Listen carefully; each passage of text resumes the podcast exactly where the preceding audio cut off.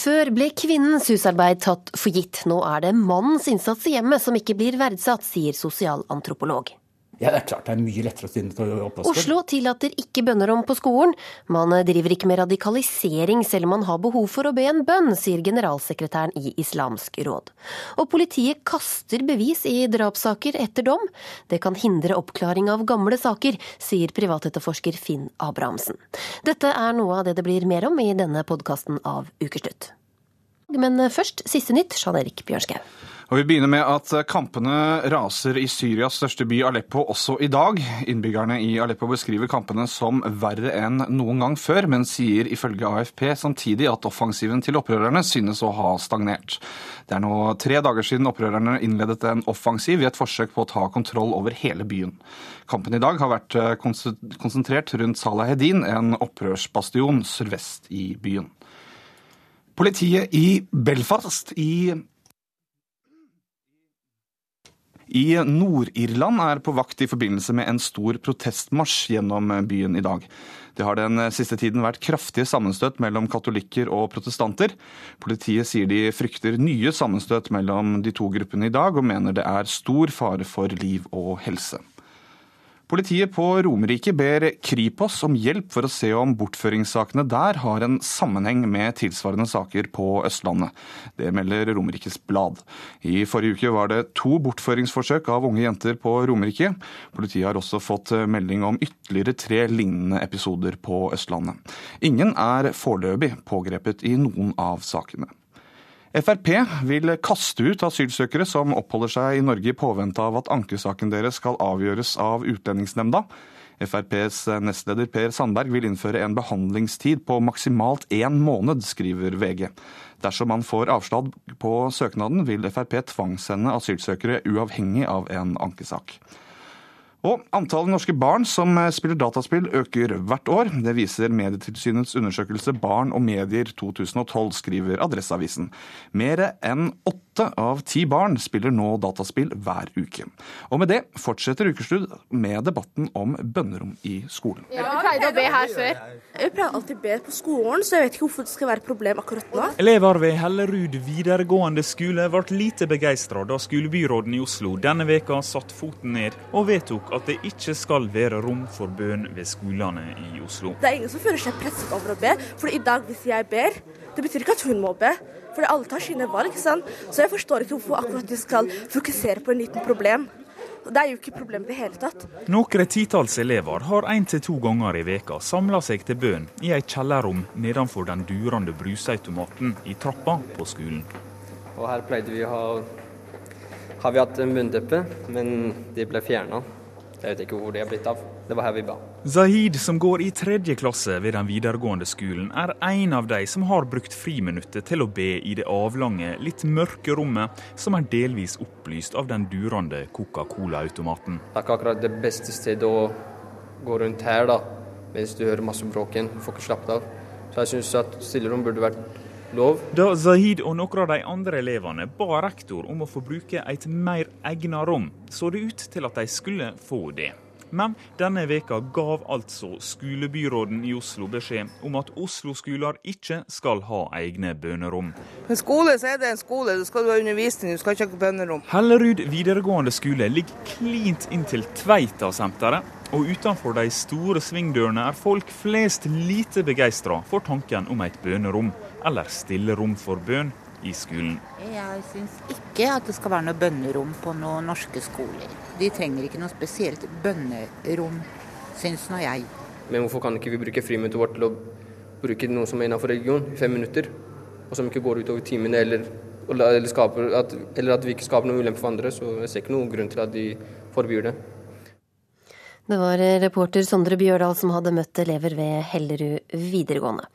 Carl I. Hagen, du sitter i bystyret i Oslo for Frp og hadde en finger med i spillet da Torgeir Ødegaard grep inn mot bønnerommene. Hvorfor kan ikke troende elever få et eget bønnerom? Jeg vil begynne med å si at Da jeg vokste opp, så hadde vi kristendomsundervisning i skolen. Eh, mer og mer så er alt religiøst borte. Vi har fått et KRL-fag, og vi har gjort skolene til eh, livssynsnøytrale, sekulære områder, og det syns jeg de skal få bli. Det ville være litt rart når kristendommen er kastet ut, at plutselig islam skal komme inn gjennom egne bønnerom. Og det er bare islam som har bedt om dette. Det er ingen andre religioner som har bedt om noe stillerom, som de forsøker å kalle det. Det ville være et muslimsk bønnerom. Og jeg syns at skolen skal være eh, sekulær, nøytralt, for organisert religiøs aktivitet. For organisert religiøs aktivitet. Hvem som helst helst kan jo stå stille i skolegården og be. Det trenger man ikke noen spesielle ting til. Men, jeg tror det blir, kommer et, Kanskje fra radikale islamister så kan det komme et press overfor de mange gode muslimer som vil være moderate, om å bruke hijab og andre klær, om å gjøre ting. Så vi skal spare alle barn fra muligheten til å bli øh, presset til noe de kanskje egentlig ikke vil. Mm. Men vi hører her at øh, dette er elever som allerede driver og, og ber, og de gjør det i friminuttene og ikke som en del av undervisningen. Hvorfor skal de ikke få lov til det når de, når de likevel jo, jo, men Jeg sa nettopp at det er klart at de skal få lov til å gjøre det, men de trenger ikke et eget rom, for da blir det organisert religiøst aktivitet. Og vi skal ikke ha noe organisert religiøst aktivitet i norske skoler. Hva det er i voksenverdenen er noe annet. Men jeg vil sørge for at ingen følger et press hvor man må synliggjøre de som går i bønnerom og ikke ber, og de som ikke gjør det. Da får man segregert med en gang hvem som er veldig aktive og hvem som ikke er det. Og da kan det bli et press på de som ønsker å bli mer vestlig orientert, og som vil være moderate. Meta Bafshar, generalsekretær i Islamsk råd. Hvorfor bør muslimer og andre troende ha et eget rom for å be? Eh, vi har aldri sagt at muslimer eller andre skal ha egne bønnerom eller egne stellerom. Det vi har sagt i den saken, er at de elever som føler eh, og ønsker eh, å be i friminuttene, må få lov til det. Og at det skal skje et sted, slik at det ikke sjenerer andre. Og at Eh, det da eh, gir dem faktisk en mulighet til å, å, å, be en bønn. Og dette er først og fremst snakk om vinterhalvåret, og ikke hele året. Det er snakk om én bønn, fem minutter i løpet av en skoledag. Og det kan godt skje i friminuttet. Det som er viktig å ha fokus på her, er eh, altså det, det, det er flere ting. En av de er at skolebyråden har gått hardt ut og sagt at han er imot egne bønnerom. Og det har for så vidt Carl I. Hagen også lagt seg på. Men vi er jo enige der. Man skal ikke ha særegne ordninger for muslimer. Det skal ikke være noen egne tilrettelagte spesielle bønnerom. Så her tror jeg den, at den delen av debatten må ligge død. Det som er viktig, er hvordan Carl I. Hagen eh, rett og slett, vil jeg si, litt sånn ja, Eh, politisk eh, umoralsk presser frem eh, sitt syn ved å true med å ikke ikke eh, være med på en budsjettavtale med, med, med, med byrådet.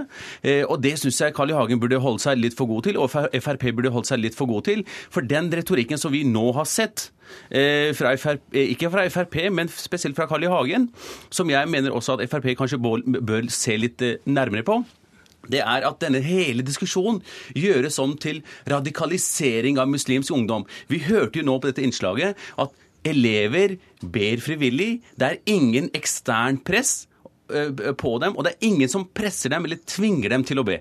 Så man, man, men bare, bare, hvis jeg kan få lov til å fullføre Man blir ikke radikalisert av å be en bønn på fem minutter i løpet av en skoledag, Hagen? Nei, det blir man ikke. Men hvis man, som det har vært hevdet i enkelte miljøer, at de unge jenter eller jenter som, og, og, ungdom som ikke bruker hijab, blir kalt horer, så er det et ganske sterkt press. Og når enkelte snakker om de som ikke er muslimer som vantro, så er det et ganske sterkt press. Ikke, ingen liker sånne stempler. Og på Facebook var det helt åpent anbefaling om at flest mulig møtte opp i bønnerommet for å vise styrke. Og da er det et press. Og dette skjer uten at noen kan kontrollere det. Jeg er veldig glad for at generalsekretæren i Islamsk råd sier at dette skal ikke være noe spesielt for, for muslimer. Men det er bare muslimene som vil ha et eget rom. Det er bare de som trenger det. Hvorfor kan ikke også muslimer bare stå et eller annet sted i skolegården og be til sin gud, det samme som eh, mm. buddhister og hindu og kristne og, og alle andre. Altså, trenger, vi skal ikke ha noe organisert virksomhet av religiøs karakter i skolen. Det er det som kan skape segregasjon. Det skaper jo adskillelse mellom gruppene. Og da kan det også bli konflikt mellom gruppene. Vi skal ha en felles skole for alle. Mm.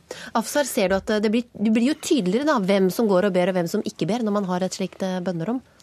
La oss gå tilbake til det innslaget som var i stad. Elevene føler det er en altså fri vilje for, uh, at de, de, de, går og, og ber av, av, av egen fri vilje. Eh, Så jeg, jeg tror ikke det blir noe press. Jeg tror igjen, også Her sitter nå Hagen og blander sammen flere ulike argumentasjon, om å da kalle folk for eh, damer for horer og vantro. Eh, Jeg tror Hagen, du er også med på å sementere en del holdninger ved å si at dersom man ber, så blir man radikalisert. Jeg håper at du tar avstand fra den type argumentasjon, for det er nettopp det man ikke gjør. Også du ber sikkert, du òg. Og alle kan be uten at de blir ra eh, radikalisert. Når det er sagt, så er det også veldig viktig da å få frem dette med, eh, om den praksisen av religion på skolen. Eh, det er jo slik at Jeg er helt enig i at skolen i utgangspunktet er utdanningssted, og man skal forholde seg til det. Men man blir jo altså Det er jo ikke slik at man lærer mindre på skolen av å be en bønn fem, seks, syv minutter i løpet av en dag. Det er én ting. Og så må vi huske at vi har hatt, uh, hatt eh, kristne skolelag uh, i, i Norge i, i lang tid, og det er bare bra.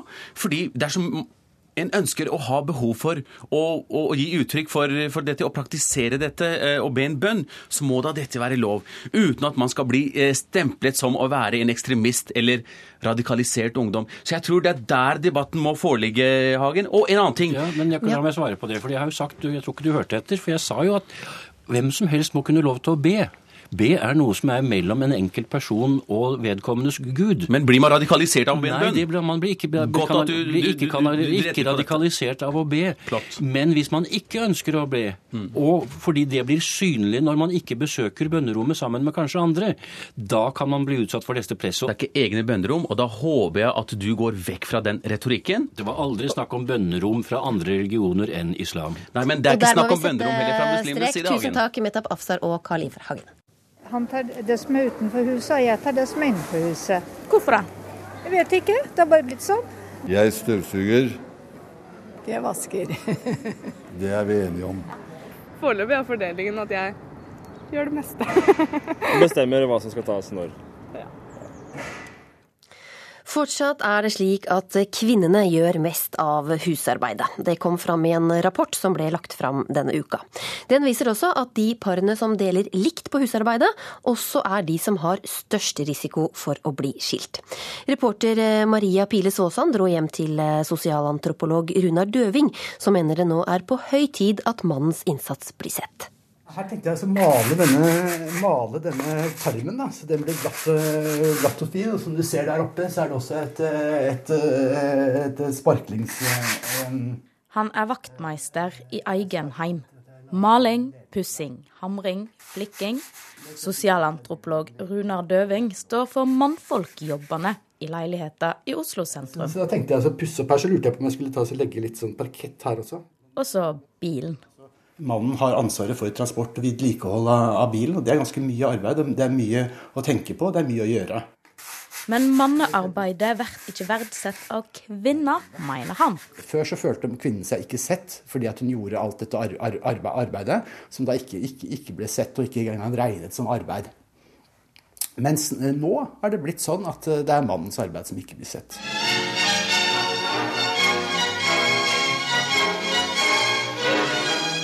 Norske husmødre er kjent for å være glad i blomster, og vil gjerne ta best mulig vare på blomstene og på sitt gode rykte. Husmordrømmen er ikke den den en gang var. Denne veka har en forskningsrapport fra NOVA skapt overskrifter. Sju av ti kvinner gjør ifølge forskninga mer husarbeid enn mannen. Men vedlikeholdsarbeid er det flest menn som står for. Og det vil Døving ha mer takksemd for. Ja, så, altså, bilen bør vel vaskes en gang i uken, som kjøkkengulvet. Hvorfor skal bilen være møkkete? Hvorfor skal man vaske kjøkkengulvet mer enn en gang i måneden? Ja, altså, man kan jo ta på seg sko inne, som engelskmennene gjør. Send kvinnen ut og vask bilen. Så kan jeg ta oppvasken. Kan jeg høre på musikk og ta oppvasken mens hun må reise til Kjell stasjon og Så du mener det er lettere å stå inne og ta oppvasken? Ja, det er klart det er mye lettere å stå inne og ta oppvasken. Send henne ut. Send kvinnen ut.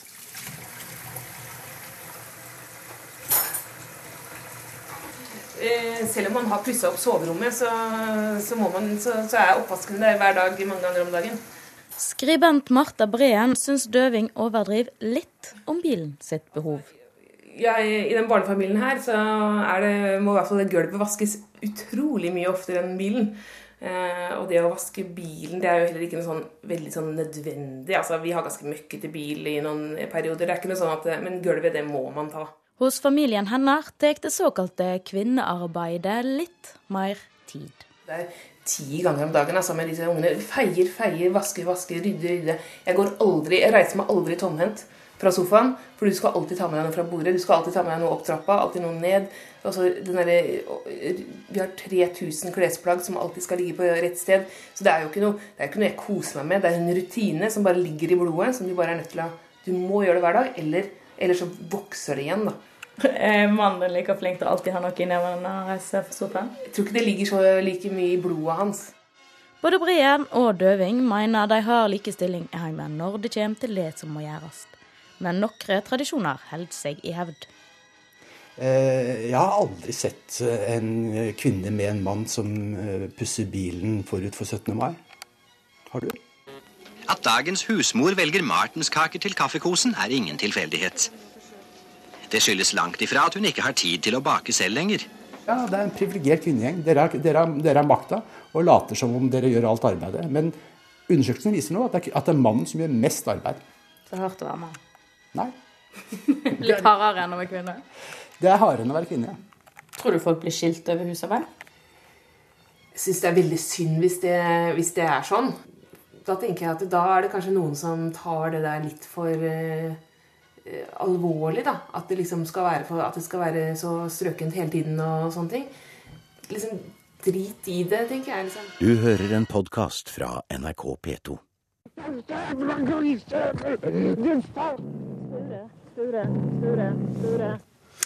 Slik kunne vi høre Thomas Quick på Dagsrevyen på 1990-tallet.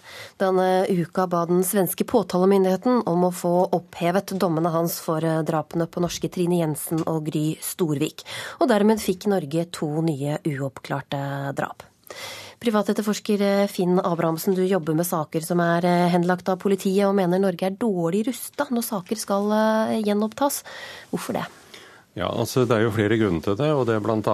én ting som jeg har vært opptatt av, vært opptatt av i mange år faktisk, før jeg sluttet i politiet også. og Det var at man skulle da ha en forskrift som regulerer også beslagene etter, eller kan vi bevisene i, i straffesaker, i alvorlige straffesaker vi snakker om. Vi snakker om drapssaker og i voldtektssaker som medfører høye fengselsstraffer osv. Hva skjer med disse bevisene i dag? Svært ofte så blir altså disse destruert, for det er ikke noen regler som pålegger politiet å ta vare på det. Og det er ikke så lenge siden, for i fjor faktisk så var det oppe i Baneheia-saken. Der ble det hevdet at flere av bevisene var altså destruert. Det bare viser egentlig noe av problematikken i, i dette. Mm. Men hvordan gjør man det i, i andre land, da? Ja, USA, som vi kanskje burde kikke litt på. Mange ikke liker det, men det, der har de også da hatt et helt annet system. Sannsynligvis lovregulert, slik at der har de jo da tatt vare på bevisene. Og det har jo ført til at mange som har blitt dømt til døden bl.a., har nå fått sakene tatt opp på nytt og blitt da sluppet ut, for de er altså ikke de som kan ha gjort disse handlingene. Og Det er bl.a. nettopp for at bevisene har kommet fram og blitt behandlet med nye metoder. Men hva gjør det, hva gjør det hvordan kompliserer dette en gjenopptakelsessak, det at de ikke tar vare på bevisene? Ja, altså Nå har vi jo da, for å si det rett ut, pussig nok fått et institutt, og det er jo egentlig bra på mange måter. Men hvis man har destruert bevisene, så er jo da selvfølgelig det et kjempeproblem i forhold til mulighetene å gjenoppta. For da vil man altså vurdere, når man tar opp en ny sak i dag, er disse bevisene håndtert riktig i forhold til nåtidens metoder, moderne teknologi osv. Og Da vil man altså ha muligheter til å se om bevisene, om de den gang som ble brukt, holder mål eller ikke. Men hvorfor tror, du er, hvorfor tror du ikke vi har noe som regulerer dette i dag? Altså, jeg har jo egentlig lurt på det hele tiden, for jeg har tatt det opp helt fra begynnelsen på år 2000, da Gjenopptaksinstituttet ble presentert. Og Da tok jeg det opp med lederen og Riksadvokaten også, og var enig i det, at man måtte se på det. Og, og det har jo noe med rettssikkerheten, altså til mennesker. Eh, man har altså rettssikkerhet for det man blir dømt uh, i dette landet her, og vi må nødt til å ta høyde for det. Man kan ikke bare si at vedkommende er dømt, og vi er sikre på det. Nå har vi jo sett en rekke saker som har blitt behandlet på nytt, og folk har blitt da uh, frifunnet etter at kommisjonen har kommet inn i bildet. Eller at man, altså også før kommisjonen. Men uh, dette er noe jeg er nødt til å tenke på. Forskriftene som er, Det er ikke noen forskrift som regulerer og pålegger politiet å ta vare på disse tingene. Noen gjør det, noen er ildsjeler i politiet, tar vare på det, men de kan ikke basere det på slike ting. Justisdepartementet ville ikke komme til eh, ukeslutt i dag, men eh, Jan Bøhler, du er nestleder i justiskomiteen for eh, Arbeiderpartiet. Hvorfor har vi ikke noe system for å ta vare på avgjørende bevis i f.eks. drapssaker? Jeg syns dette er et veldig viktig spørsmål, fordi det ikke bare handler om at de kan få gjenopptakelse, de som, de som er dømt, men også for å oppklare saker ikke, hvor man ikke har funnet løsningen. Eh, en, eller annen gang i framtida. Sånn at eh, det er viktig å gjøre forbedringer. Det vi har i dag, det er, eh, det er For det første så må man huske på vi har to ankeinstanser etter at man Hvis man får en dom i tingretten, så er det jo først mulighet for å anke til lagmannsretten med full uh, ny sak. Og så er det mulighet for å anke til Høyesterett. Det er jo en siling av hvilke saker som kommer opp der. Men, men hvorfor man har, sikrer man ikke da man, bevisene? Bare, man har to instanser, sånn at en rettssak kan gå gjennom to ankeledd. Og vi håper jo at vi uh, dømmer riktig i Norge. Sånn at Vi har jo en sterk sikring gjennom de to ankemulighetene. og Da beholder man jo bevisene selvsagt til det er rettskraftig dom. Etter det, så det som beholdes i dag systematisk, det er DNA-spor. Altså det er, det er både DNA-prøver på de som dømmes, og så er det eh, spor man har, som man ikke har funnet kobling til, eh, til gjerningsmann. Og så er det jo fingeravtrykk, og, og fingeravtrykk man ikke har funnet kobling til gjerningsmann. Og så beholdes jo alle rettspapirene. Og så er det sånn at i, i, i en um, rekke alvorlige saker så lagrer politidistriktene bevisene på lengre sikt. Men som Finn Abrahamsen sier, så er det for usystematisk, tror jeg, hvilke saker man lager og ikke lager også lagringsmetodene.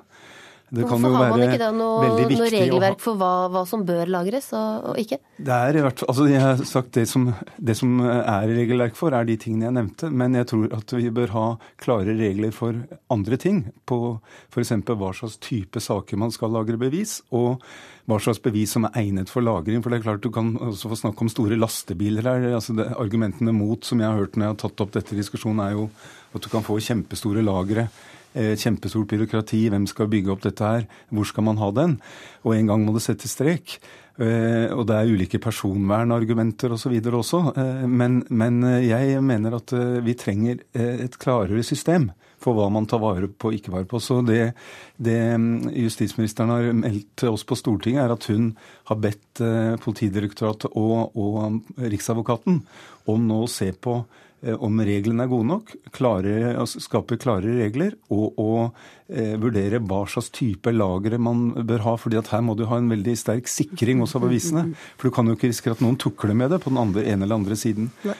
Så eh, det er mange systemspørsmål, men jeg er overbevist om at systemet må forbedres, og at dette er et viktig spørsmål. Hva sier du til det, Abrahamsen? Ja, jeg hører hva han sier. Eh, jeg tror dette med, Og det er jo et argument som jeg tror eh, på en måte slår godt an, iallfall de som bevilger penger, fordi at det er pengespørsmål vi snakker om.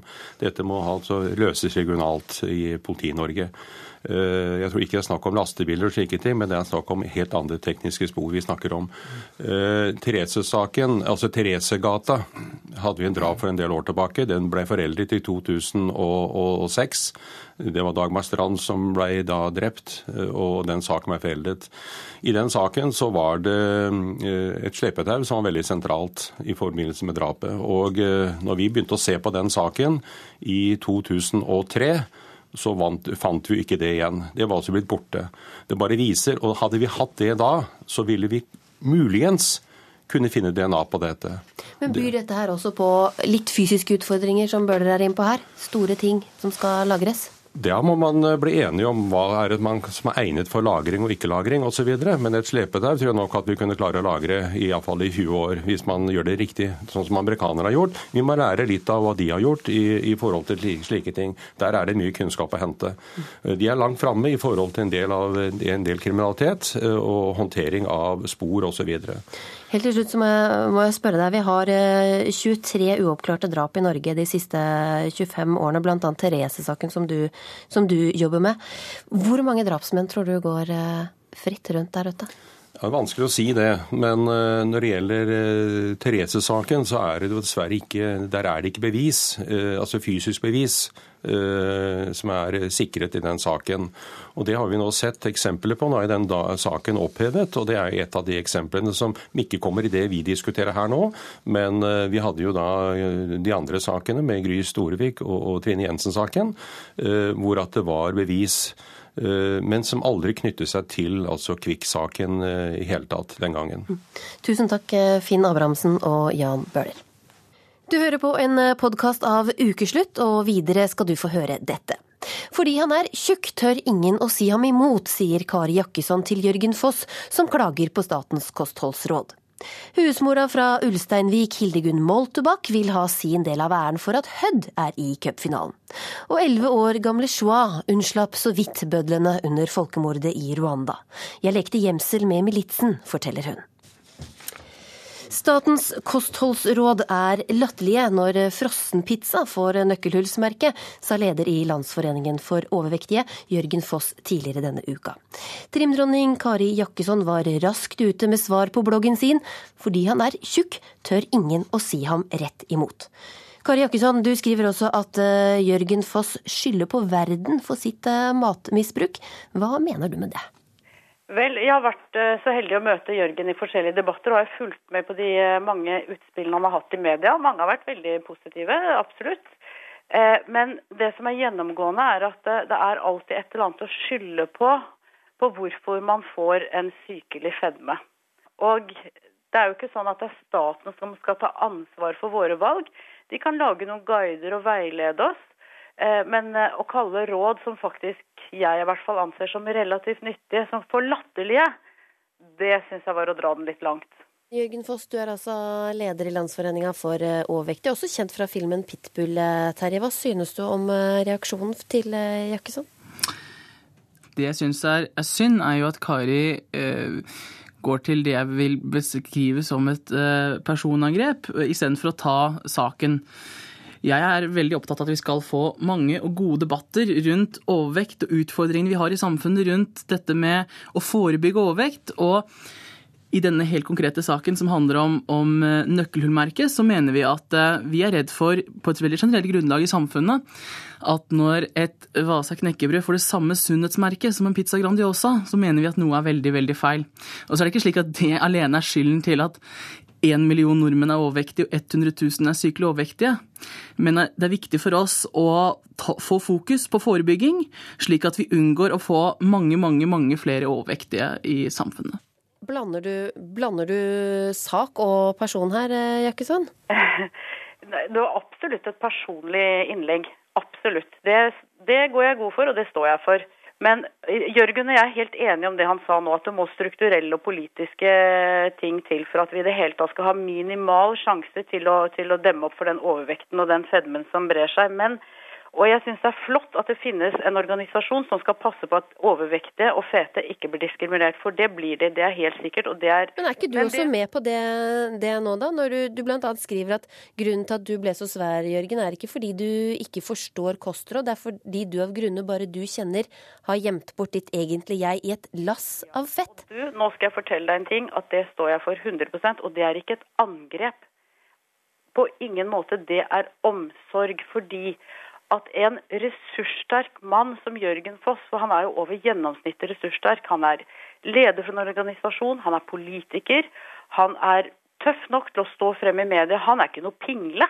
Men altså, det er jo sånn at når man er så overvektig som Jørgen, og mange med han, 100 000, så handler ikke det om at man koser seg så veldig ekstra med mat, det handler om et misbruk. Og jeg håper virkelig at det går bra for Jørgen, at han nå tar hånd om misbruket på vegne og viser dette. Det er dette han skal vise for verden og Norge. Dette her er ikke bare fordi at vi trenger en ny slankekur. Jeg er sikker på at Jørgen kan kaloriinnholdet i et jordbær. For de fleste sykelig overvektige og vanlig overvektige som jeg har møtt, de kan så mye om mat, men de kan så lite om seg selv. Det er en grunn for at man trenger en så stor buffersone mot verden. Det er ikke alltid man er klar over den selv. Men det er kjempeviktig å finne ut av det, slik at man slipper å døyve følelser og forskjellig annet som man gjør da med matmisbruk. Jørgen Foss, er det, er det egentlig kostholdsrådene som er eh, ditt og andre overvektiges eh, problem? Det er ikke slik at eh, kostholdsveiledningen alene gjør at en million nordmenn er overvektige på ingen måte. Og jeg er den første til å erkjenne at det er ingen som har dyttet mat ned i kjeften på de 100 000 sykelig overvektige. Og jeg er også den første til å erkjenne at eh, mange overvektige helt sikkert kunne vært mye mer aktivitet. Men jeg oppfordrer jo Kari til å, å, å jobbe, og, og, jeg kommer også til å jobbe masse for at overvektig faktisk er aktivitet. Derfor var jo Landsforeningen for overvektige med på Oslo Maraton i helga som var. Vi hadde 16 stykker på startstreken. Ikke det at det er noe uh, unikt tall, men vårt mål er jo å vise at overvektige mennesker kan være aktivitet. Vi oppfordrer alle overvektige til å være aktivitet. Og så håper jeg jo da at Kari i fremtiden istedenfor å det jeg betrakter som et ganske grovt personangrep på meg, heller bruker tiden, så skal vi sammen jobbe for å, å forebygge overvekt. For de ressursene vi to har sammen, de kan vi absolutt bruke til å, å jobbe for eh, forebygging av overvekt i Norge. Ja, Det syns jeg høres ut som en kjempegod idé. Eh, men når det er sagt, når man er sykelig overvektig, da er det symptombehandling. Men for at ikke man igjen skal falle inn i det samme som mange gjør, og dermed får det verre og verre, så må man gå løs på årsaken. Man trenger hjelp til å nøste opp i de emosjonelle eh, problemene. Eller det kan være faktisk veldig alvorlige ting som ligger bak. Det kan være overgrep, det kan være forskjellige traumer. Og det er først og fremst det man må få hjelp til. Og der er jeg enig med Jørgen, der er det et mangelfullt tilbud. Og nå må Foss få lov til å, få lov til ja. å svare. Ja. Altså, det jeg tenker er, er viktig å, å, påpeke her, er jo at, og som for så vidt Kari kanskje indirekte prøver å si, er det at det, for mange så er overvekt snakk om en spiseforstyrrelse, på lik linje som anoreksia og bulimi. Men man går ikke til angrep i samfunnet på den gruppen på lik linje som man går til angrep på overvektige, og det syns jeg er trist. Du hører en podkast fra NRK P2. De ble slaktet ned i 100 dager, og totalt ble én million mennesker brutalt drept i Rwanda i 1994. Denne uka starta rettssaken hvor en renholder fra Bergen står tiltalt for å ha medvirket til folkemordet som skulle utslette tutsier fra jordas overflate. Ukesluttsreporter Kari Li møtte Shoa, som så vidt unnslapp, 11 år gammel. Det var en gutt som sto foran meg, og han var ca. 14-15 år og hadde machete. Og jeg visste at han hadde drept med det, fordi det han sånn, hadde blod på den. Shua er 11 år. Foran henne står en gutt som har lyst til å drepe igjen. Og jeg så, så øynene hans, og det var sånn ren vondhet. Um, vondskap? Vondskap, absolutt. Men gutten med macheten får ikke klarsignal. Vaktene ved veisperringen spør i stedet 11 år gamle Shua hvorfor gutten skal la henne leve. Fortell oss hvorfor vi skal ikke drepe deg. Det er april 1994, og den lenge planlagte nedslaktingen av tutsier er i gang over hele Rwanda.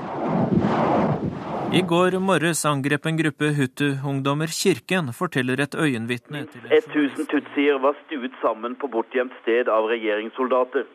Hver dag ble en gruppe av dem overlevert til væpnede sivile for henrettelse.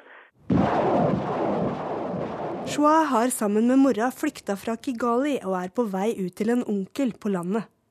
I veisperring etter veisperring blir de stoppa.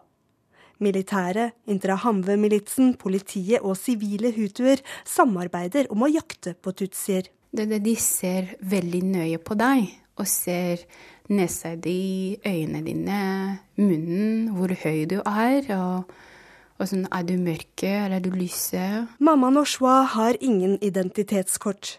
De er begge blanding av hutu og tutsi, og raseblanding rettferdiggjør drap i hutu-ekstremistenes øyne.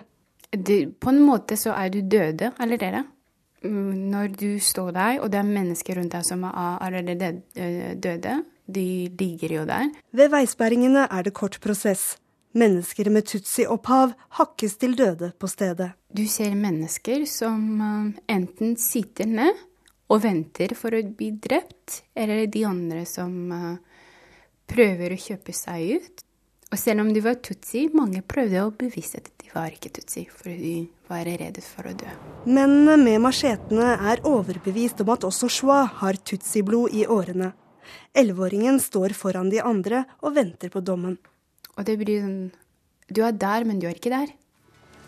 Mannen som er tiltalt for massemord i Rwanda, nekter straffskyld i Oslo tingrett i dag. Denne uka dukka folkemordet fra Rwanda opp i det norske mediebildet igjen. 47-åringen som har bodd i Bergen i ti år, skal ifølge tiltalebeslutningen ha beordra og lagt til rette for massedrap på tutsier i hjembyen Kibungo.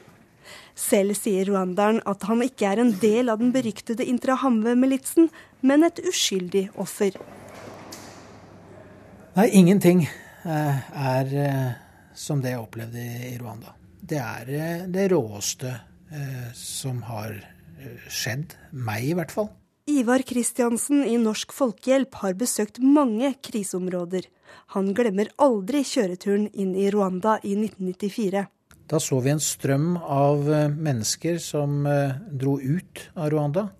Eh, samtidig som vi eh, idet vi kryssa broa, så ned på eh, lik som fløyt i elva. Og da vi satte oss inn i bilen og kjørte innover, så møtte vi også på steder hvor, hvor folk tydeligvis var slakta ned, og som lå eh, faktisk i hauger. Eh, og, og, det var en, en, fryktelig stank på de stedene hvor det var eh, oppsamla eh, lik. Ved veisperringen prøver mammaen å redde elleve år gamle Shua. De har ikke mer penger til å bestikke Indre Hamve-militsen og hjelperne deres. Jeg husker at mamma var uh, i ferd med å diskutere med sjefen. Da de skulle ikke drepe meg, og så kom en kar forbi.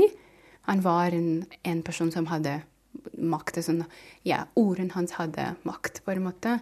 Og han sa 'men jeg kjenner denne lille jenta'. Joa slapp unna. Men nestendøden i veisperringen var bare starten på den lille jentas katt og mus-lek med militsen.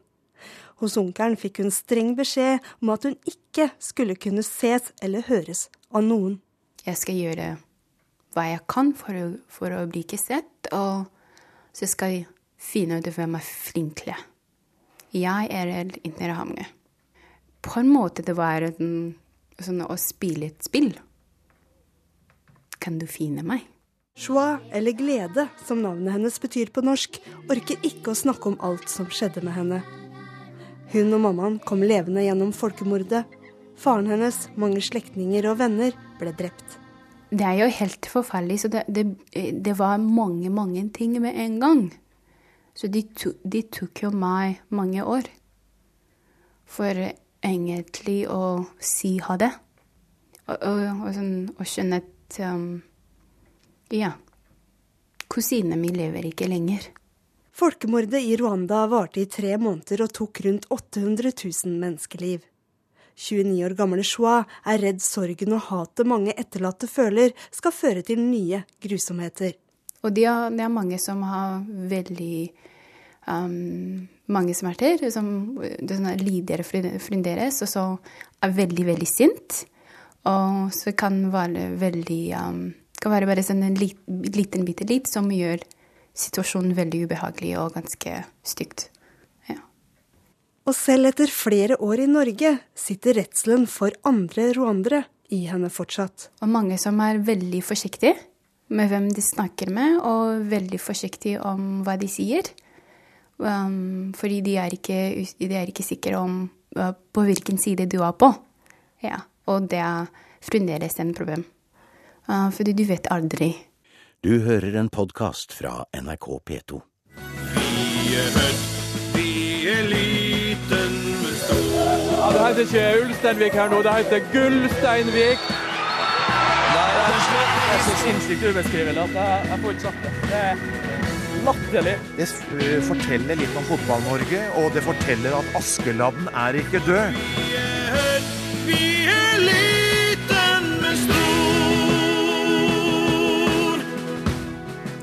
Hødd klarte altså på torsdag å slå Brann, og er dermed i cupfinalen mot Tromsø, som spilles på Ullevål stadion 25.11. Kjetil Hansen, du er eh, nærmest en legende på Hødd, kåret til tidenes Hødd-spiller og har din egen Hall of Fame i klubbhuset. Hvordan er det å oppleve at dette Askeladd-laget fra Sunnmøre endelig er i cupfinalen?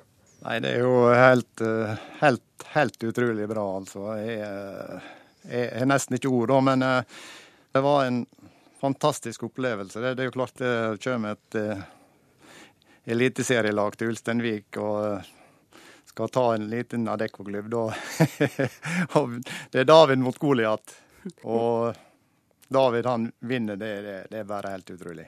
Arne Skeie sier at han ikke tror det hadde vært noe Hødd uten deg. Og du takket jo nei til flere andre klubber som kom med tilbud. Hvorfor ble du i Hødd? Nei, jeg var utrolig glad i Hødd. Det var fra jeg var liten, hadde jeg nær sagt. Og eh, det var en, en kjempegjeng, en kameratskap, ei lagåt. Vi var et team som jobba i lag, altså.